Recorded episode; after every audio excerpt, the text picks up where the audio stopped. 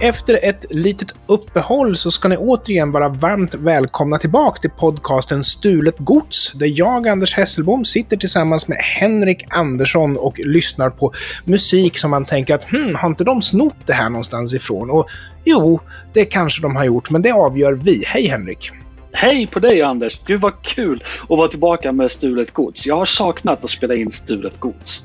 Det var ju länge sedan vi spelade in och vi gjorde ju massor av avsnitt som eh, och vi vet att lyssnare har önskat våran återkomst. Så här är vi.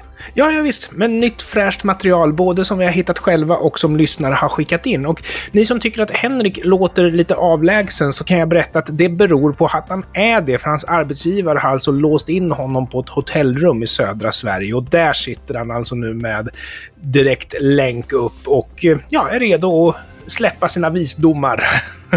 jag är redo att lägga domen över musiken, som det överhuvud jag är. Ja.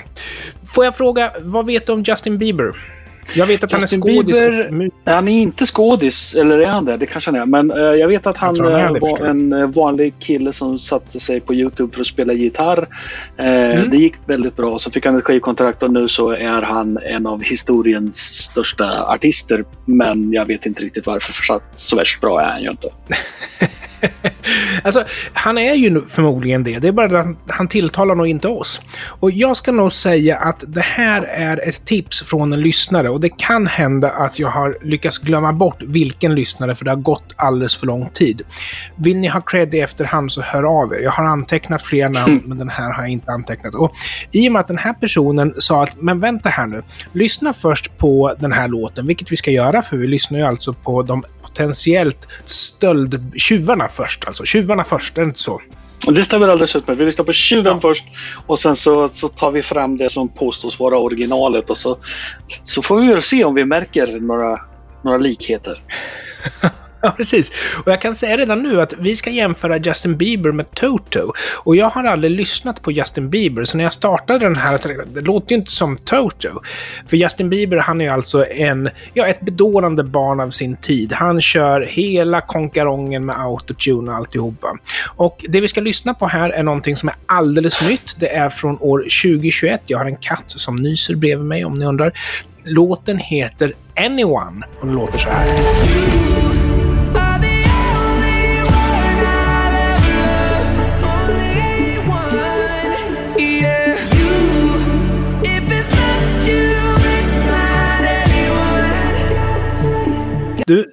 Inte så mycket Toto-fil på den där, eller? Jag har aldrig hört den där låten tidigare så det är väl kanske inte någon sån här stor radiohit eller någonting. Eh, men, men det där var ju erbarmligt tråkigt och slätstruket och processat och bara blä. och jag tror att personen som tipsar om det här påpekade att eh, Totos låt Going Home är från 1998. Och jag kan säga att det stämmer inte, men den är från en skiva släppt från 1998 som i sin tur var en samlingsskiva med outgivet material. Så det här är, skulle jag tro, en låt från 1989 där någonstans. Och den heter alltså Going Home och den låter så här.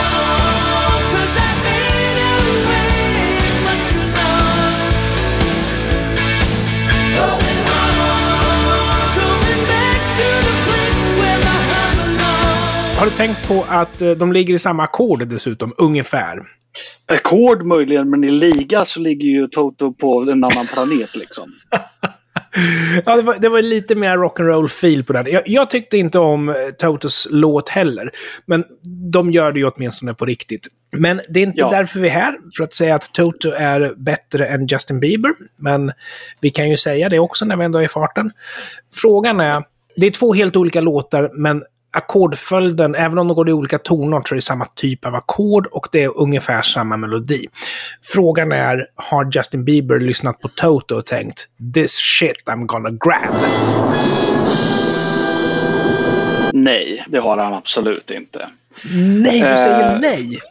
Jag säger, alltså, likheterna till trots så är Justin Biebers låt så pass simpel att det är ju eh, nynna i duschen-melodier. Det är inte alltså det har ingenting att göra med Totos låt. De bara råkar likna varandra. Da, da, da. Alltså, nu får du väl ge dig. Alltså, när, när, vi påminde våra lyssnare om, eh, det var i vårt filmmagasin Flimmer Duo som ni jättegärna får bingoogla på YouTube efter. Där Henrik och jag sitter och, och säger vilka filmer man ska se. Vi är väldigt mästrande i vårt material. Då tipsar vi om den här eh, podcasten och jag tyckte det var så jäkla roligt att komma tillbaka. Men nu blir jag ju direkt påmind om att Henrik aldrig kan finna sig och hålla med mig. Ja, men jag, kan inte, jag kan inte ge... Jag kan inte ge Justin Bieber att, att det här skulle vara en produktion som ens tangerar till vad Nej. Toto gör. Nej, det är slumpen alltså. Det är bara det. Mm. För att du, lyssnar på Toto, de har, mm. de har stämsång och de har liksom hela den biten. Jag tror inte Justin Bieber är kapabel till stämsång. Nej. Och sen när, vi, när du ändå är inne på det så kan jag säga att en, ett försvar som jag har av Justin Bieber, det är att Totos låt, även om den är väldigt snyggt uppbyggd med harmonier och alltihopa, så är ju melodin väldigt enkel. Vilket då ökar möjligheten att du generiskt skulle kunna skriva samma melodi en gång till. Och det ligger Exakt. i Justin Biebers försvar. Ja, och nu vill jag ju inte försvara Justin Bieber med det, utan snarare säga att han är för patetisk för att kunna komma fram till någonting bättre än det här. Eh, och, mm. och, och, jag håller med dig när du säger det där att det, skalar man ner Toto så blir det generiskt. Mm. Du har rätt. Och jag tänker också på det här eh, basgången på eh, Another One Bites the Dust med Queen. Dom, dom, mm. dom. Dom, dom, dom, dom, dom. Oj, förlåt, nu slog jag till på micken. Eh, det är ju någonting som är väldigt, väldigt enkelt som man potentiellt sett skulle kunna skriva en gång till på rena turen. Men har man någon gång hört Another One Bites the Dust, då vill man ju inte vara för lik det basriffet, för då kommer ju alla andra som hör det tänka på Another One Bites the Dust. Så du måste på något sätt skilja på hur komplicerat är det eller hur enkelt är det? Hur, hur, stor sannolikhet är det att jag skriver det här igen? Och sen måste du också mm. tänka på, kommer folk höra originalet i sitt huvud om jag snor det här? Vilket i fallet uh, Going Home med Toto kanske är nej, men i, i fallet Another One Bites the Dust med Queen kanske är ja. Mm. Det är ju någon som har föreslagit det här till oss. Så att någon mm. stackare som gillar Toto har ju råkat lyssna på, på Justin Bieber och, och funnit det här. Eh, mm. Förmodligen så, jag tänker mig att han förmodligen har Toto mer inarbetat i sitt, vad ska man säga, hjärnans muskelminne på något sätt. Ja. Mm. Och när han hör den här slingan så bara så synkar den med Toto för honom fast det kanske egentligen inte gör det. Nej, jag tror att du har rätt. Eh, jag säger att jag fäller Justin Bieber, men jag förmodar att du tänker fria här då. Jag friar Justin Bieber, inte för att eh, göra honom Du har ju pratat ner så mycket ändå. Ja. ja precis. Justin Bieber. Okay. Vi går vidare. Mina damer och herrar, detta är It's a Hard Life med Queen från 1984 och det är introt vi ska lyssna på. Det låter så här.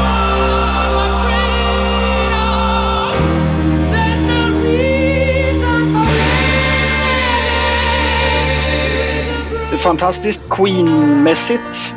Helt enkelt. Precis. Uh, jag satt på, på fingrarna för jag ville säga åh vad typiskt episkt Queen. Men, men jag tänkte att du skulle få börja och du säger exakt vad jag tänker.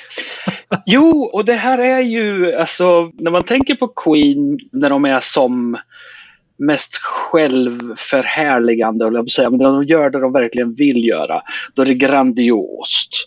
Och mm. det här mm. är grandiost och eh, samtidigt så hör man då redan där på introt att man går ut stort och så, så, så går man ner lite grann. Sådär. Och, och liksom, då får man lite spänning. Vad ska hända nu? Eh, det operatiska som eh, Freddie Mercury älskar så mycket. Det här med eh, att allting ska vara som en teaterföreställning. Och det, det tycker jag eh, det är väldigt tydligt i det här. När vi har det här färskt i minnet så går vi direkt över till en opera som heter Pagliacci från 1892.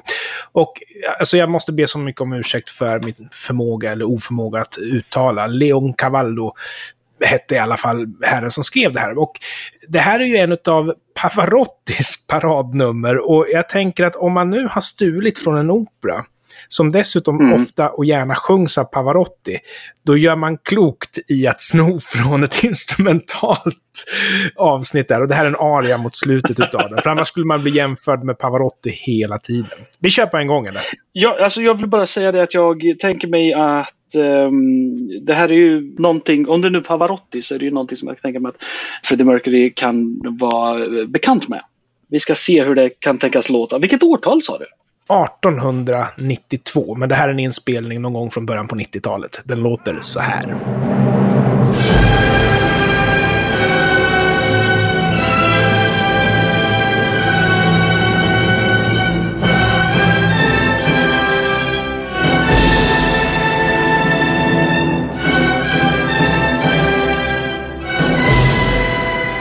De går ju isär.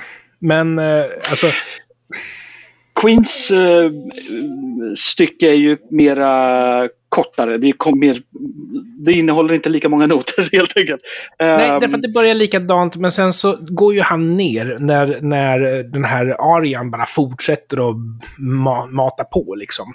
Men äh, mm. han måste, det här måste ju vara kopierat rakt Nu kan av. du tala om för mig huruvida det här är samma liksom eh, ackord och noter och så vidare. Men för mig så låter det mm. som om att här har man verkligen det här är det vi vill göra. Man har lyssnat på den här eh, ja. låten, i vilken inspelning de nu kan tänkas ha lyssnat på den. Mm. Och, och liksom det här är det vi vill ha. Bang, bang, bang. Och sen så har de gjort en 10 sekunders introvariant av det där. Mm. Och du kommer ihåg att eh, vi blev ju väldigt kränkta, eller åtminstone jag, när det var någon som hade snott eh, solot ifrån Love Gun och lagt på som outro på en av sina låtar. Och det var liksom mm. rakt av. Och då skulle man väl som lyssnare tänka, ja men det är en tribut. Och jag tror ju faktiskt att, alltså jag vet inte jag tror ju att det här kan vara ett sätt för han att liksom bara berätta vart han har sin musiksmak. Men å andra sidan, varför mm. följde han inte hela arian ut? Varför tog han bara de första tonerna som då är med ackord och allting, ja, snott rakt av. Varför tog han den inte hela?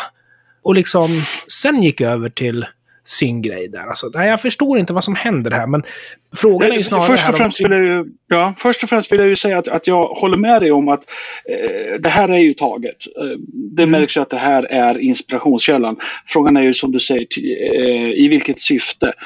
Jag tänker mig att de bara vill, som du säger, visa vart de kommer ifrån. Visa mm. att de har fingrarna även i den här pajen. Och samtidigt säga, nu vet ju inte jag hur låten går vidare, men jag tänker mig att, den blir, att det blir rock'n'roll av det hela. Nej, det, det blir en powerballad liksom, utav det. Ah, okej. Okay. Mm. Och då skulle man ju kunna tänka sig att den powerballaden skulle ha innehållit mycket mer av den där känslan. Och det vet jag inte om den Exakt. gör. Den gör inte det. Och jag tror att han kommer väl Då tillbaka till det här temat. Mm, underligt. Så jag vill ju gärna säga att det här är en tribut, vilket jag tror att det är. Men för att vara en tribut så är det väldigt märkligt gjort. Jag måste ju, här måste jag ju fria Freddie Mercury som har skrivit låten då. Eftersom det är inte mer än så här. Och det är troligtvis en tribut. Men jag, jag, jag kan inte säga att Anders Hesselbom does not approve, måste jag säga. Ja, det är tveksamt. Um, du vet, jag lyssnade uh, igår faktiskt på uh, den gamla uh, musiken till Commodore 64-spelet Ghosts and Goblins. Ah, den börjar det. ju som du vet med en snutt Chopin. Ah. och sen går den över till det här fantastiska Ghosts and Goblins-stycket. Det har ja. alltid stört mig att den börjar med den där lilla Chopin-biten. Därför att alla som gör covers eller remixes av den låten behåller det här lilla introt. Mm. Och jag förstår att det sätter väl kanske stämningen på något sätt. Men jag känner också att den är inte låten. Om ja, men den här Could It Be Magic är ju inte heller liksom, den har ju snott samma intro. Och det behövs inte där heller. Vad heter han, eh, popsångaren som gjorde Could It Be Magic och Mandy och allt. Ja, han i alla fall. Vi borde ha sånt här. Rod Stewart. Nej, inte Rod Stewart. Men en smörsångare i alla fall. Eh, och det är samma sak där, att den behövs inte där heller. Men jag hörde nog faktiskt Ghost and Goblins först innan jag hörde ja, Could It Be Magic och innan jag hörde originalet. Så för mig så är ju den där delen en viktig del av soundtracket. Och jag har ju också spelat in Ghost and Goblins. Och mycket riktigt så var jag väldigt noga med att få med de här ackorden i början som då är snodda som sagt. Men när jag gjorde covern så visste mm. jag att det var snott. Men den är ändå en väldigt viktig del för mig. It's a mm. hard life med Queen hänger inte på det här introt.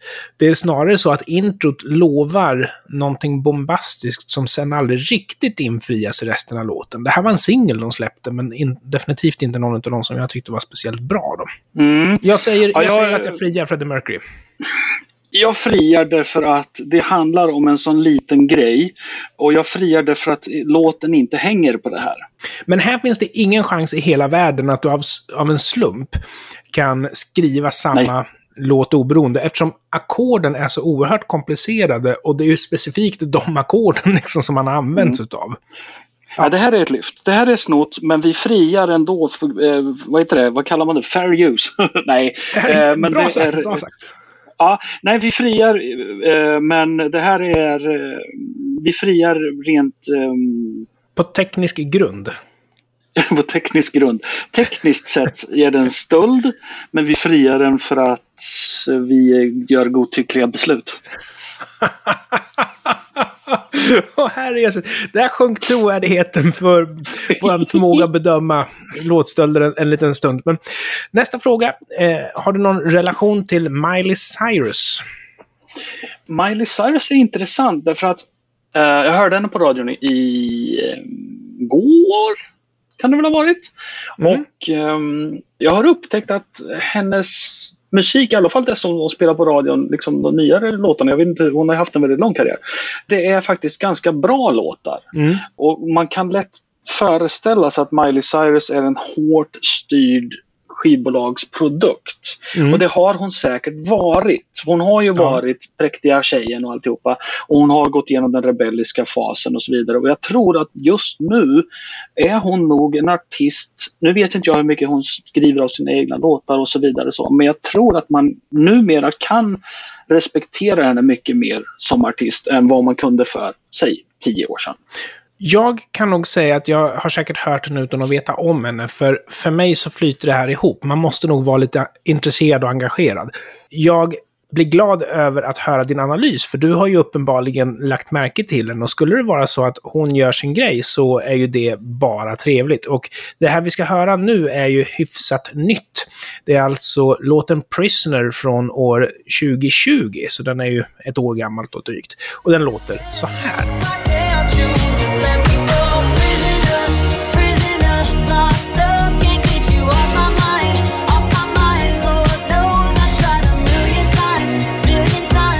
Det är inte jättespännande. Nej, det är inte jättespännande, men nog 17 kommer man att tänka på en annan låt. Och det gjorde Björn Tranberg också, för han skrev in till oss och sa att ja men Henrik och Anders, låter inte det här som Olivia Newton-Johns gamla slagdänga från 1981, nämligen Physical, som låter så här.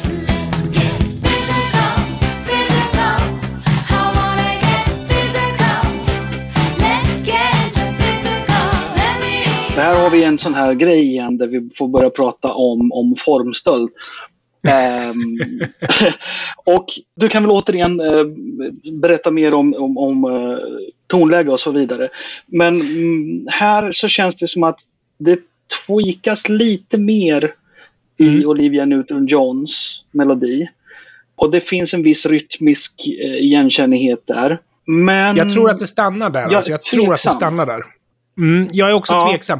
Men det råder ju inga tvivel om att när Miley Cyrus sjunger “Prisoner, prisoner” så är det svårt att inte komma att tänka på Olivia Newton-John. Physical, physical. För det är ju rytmen. Fast hon tweakar den lite. Olivia Newton-John sjunger physical, physical. Hon går ju ner lite grann där. Jag kan ah. inte sjunga det. Ah. Det är svårt. Mm. Uh, hon tweakar den andra lite, lite grann. Men uh, hade inte Björn tipsat om det här och jag skulle låta höra, jag skulle råka höra Miley Cyrus Prisoner på radio, då skulle jag sitta här och ta upp eh, Olivia Newton-John Physical. Ja, nu var det inte så, utan nu var det Björn som skickade in.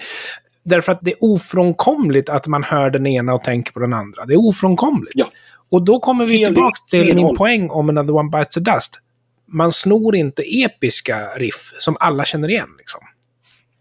Nej, eh, och, då har vi det här, alltså det är ju 40 års skillnad mellan de här två låtarna. 35 i alla fall.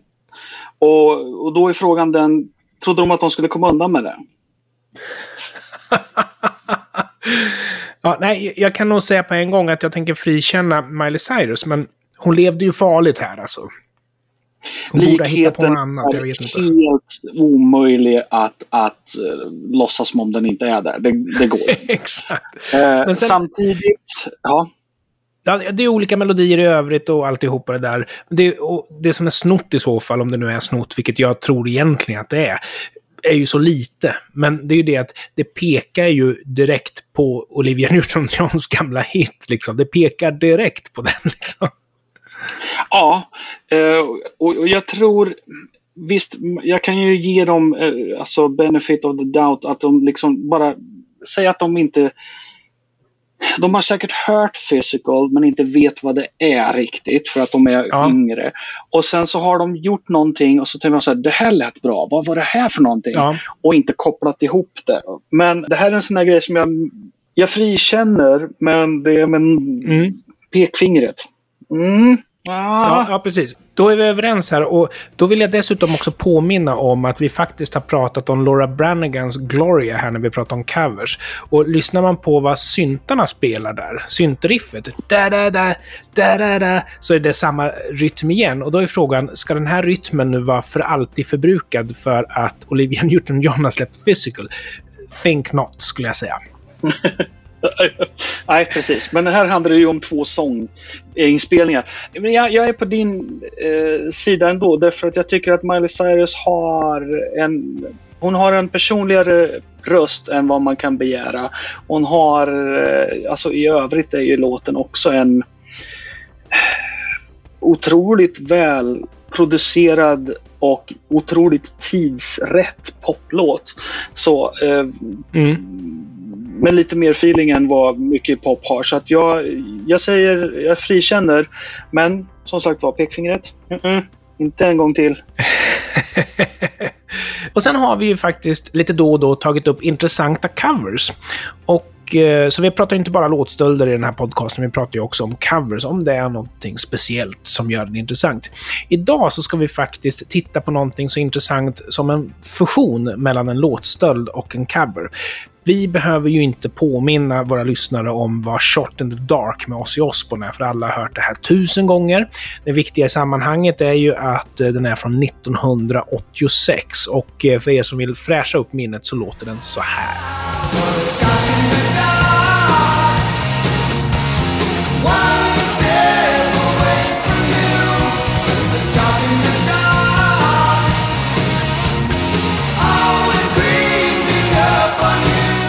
Underbart basic eh, och eh, klassisk hårdrock. Ja, och en av de grejerna som gör att jag inte riktigt gillar vad Ozzy Osbourne blev efter eh, Bark at the Moon. För jag tycker Bark at the Moon var ju en ganska tekniskt briljerande skiva. Och han kom aldrig riktigt tillbaks till det där. Han, han blev lite grann som Dio eller något sånt där. Han bara körde på och körde sin grej. Gjorde det förvisso väldigt bra, men det var inte tillräckligt intressant för mig. Så Dios soloskivor undviker jag gärna. De flesta av Ozzy Osbournes soloskivor undviker jag gärna på grund av det.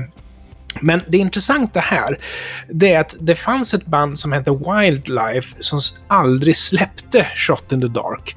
Utan de stannade vid demon av olika anledningar. Och sen därefter så visade det sig att Ozzy Osbournes kompband hade en medlem som var med i just Wildlife. Och sen helt plötsligt så har Ozzy Osbourne skrivit en låt som heter Shot in the Dark.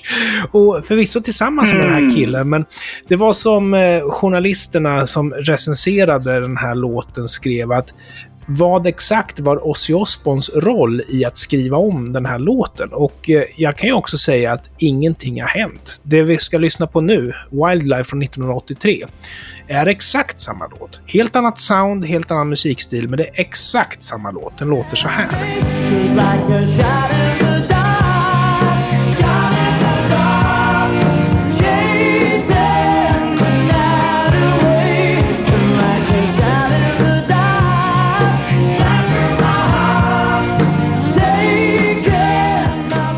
Jätteintressant för att eh, först då med Ozzy så hade vi liksom rock, hårdrock, snudd på heavy metal och sen helt plötsligt så vart det någon slags Chicago hårmetal.